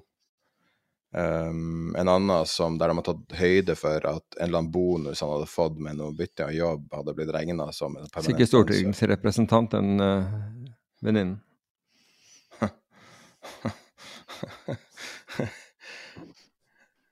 Det er en forklaring på alt. Så um, det var det. Det um, kan være verdt å sjekke skattekortet. Det kan være verdt å sjekke Du kan prøve å leie en Airbnb i Spania og se om det går opp i opp og ta hovedsikringa og gjøre det. Jeg vet ikke. Kanskje det. Ja, han sa det, så jeg tror han har sjekka. Man kan jo jobbe hjemmefra, så Plutselig blir det veldig mye ekko på alle sånne Teams-møter, fordi at folk sitter i rom som er laga med sånn fliser. For det er så mye fliser i Spania. det blir veldig sånn dårlig akustikk. Ja, det er sant. Nei. Skal du sjekke inn på Continental og ta hovedsikringa? Nei, jeg hadde ikke tenkt det. Jeg hadde ikke tenkt det. Altså, da, da, da, vil, jeg, da vil jeg savne tre lag gull og, og, og, og, lue. Men har ikke du 1000 kroner dagen i strømregning eller noe sånt? Jo, hva var den, var den oppe i nå, denne måneden? Det, altså gross er den vel oppe i, skal vi se Denne måneden her 14 900. Jeg sjekker Så Ja, ikke sant. Så jeg sjekker kontinentalen og prisene. Oi, det er ikke ledig i jula. Nei, nei, der Da, ser du. da vet du. Da vet du. Det er, der har du beviset. Der har du beviset ditt. Say no more. Ingen ledig dager her. Der har hun. Der har hun. Det er jo akkurat det som har skjedd. Vi må huske å ønske folk god jul, fordi innen vi snakkes neste gang, så, er, så har julaften vært. Det er vist andre juledager. God jul, og um, hva er det de sier i Og Spania? kjø kjør forsiktig, det er alltid Ja, Feliz Navidad, ja. Og, ja. Jeg husker ikke hva det heter på sveitsisk, ikke det at jeg kan det Switzer Deutsch Deutsch heller, men uh, Ja, men vi, ja, ja, vi, vi har jo også lyttere eh, Altså, vi har jo Har vi lenger øst enn enn Singapore, hvor vi har et par? Vi har jo noen i Nord-Amerika også, vet jeg, den andre veien, men Det Nesten alle land. Vi har en i, som er akkurat nå i um, Hva det heter Herregud, nå klarer jeg å blenke på navnet. Han er i Venezuela Mali. Og han ja. sier at uh, for riket i Venezuela så funker det ganske godt akkurat nå. Ja. Men det jeg tenkte jeg skulle si, altså det er alltid sånn rett oppunder jul, og også på julaften, så er det alltid noen andre tragedier, altså hvor folk kjører seg i hjel i- fordi de, eh, de har dårlig tid til et eller annet sånt. Så vær nå forsiktig der ute. I går var det jo ekstremt glatt på, på veiene, og nå får vi et mildvær, og så får vi snø igjen, eller så får vi kulde igjen, så hvis alle kan eh, ta seg det der lille ekstra sekundet og bare ta det litt ned, senke skuldrene, rytmisk pusting videre når, når det står på som verst, slik at dere alle kommer gjennom denne jula og inn i, inn i 2023. Det hadde vært, eh, det, det hadde vært en, en julepresang. Og jeg sier som de sier i Sveits. Frohe Weihnacht. Der har hun.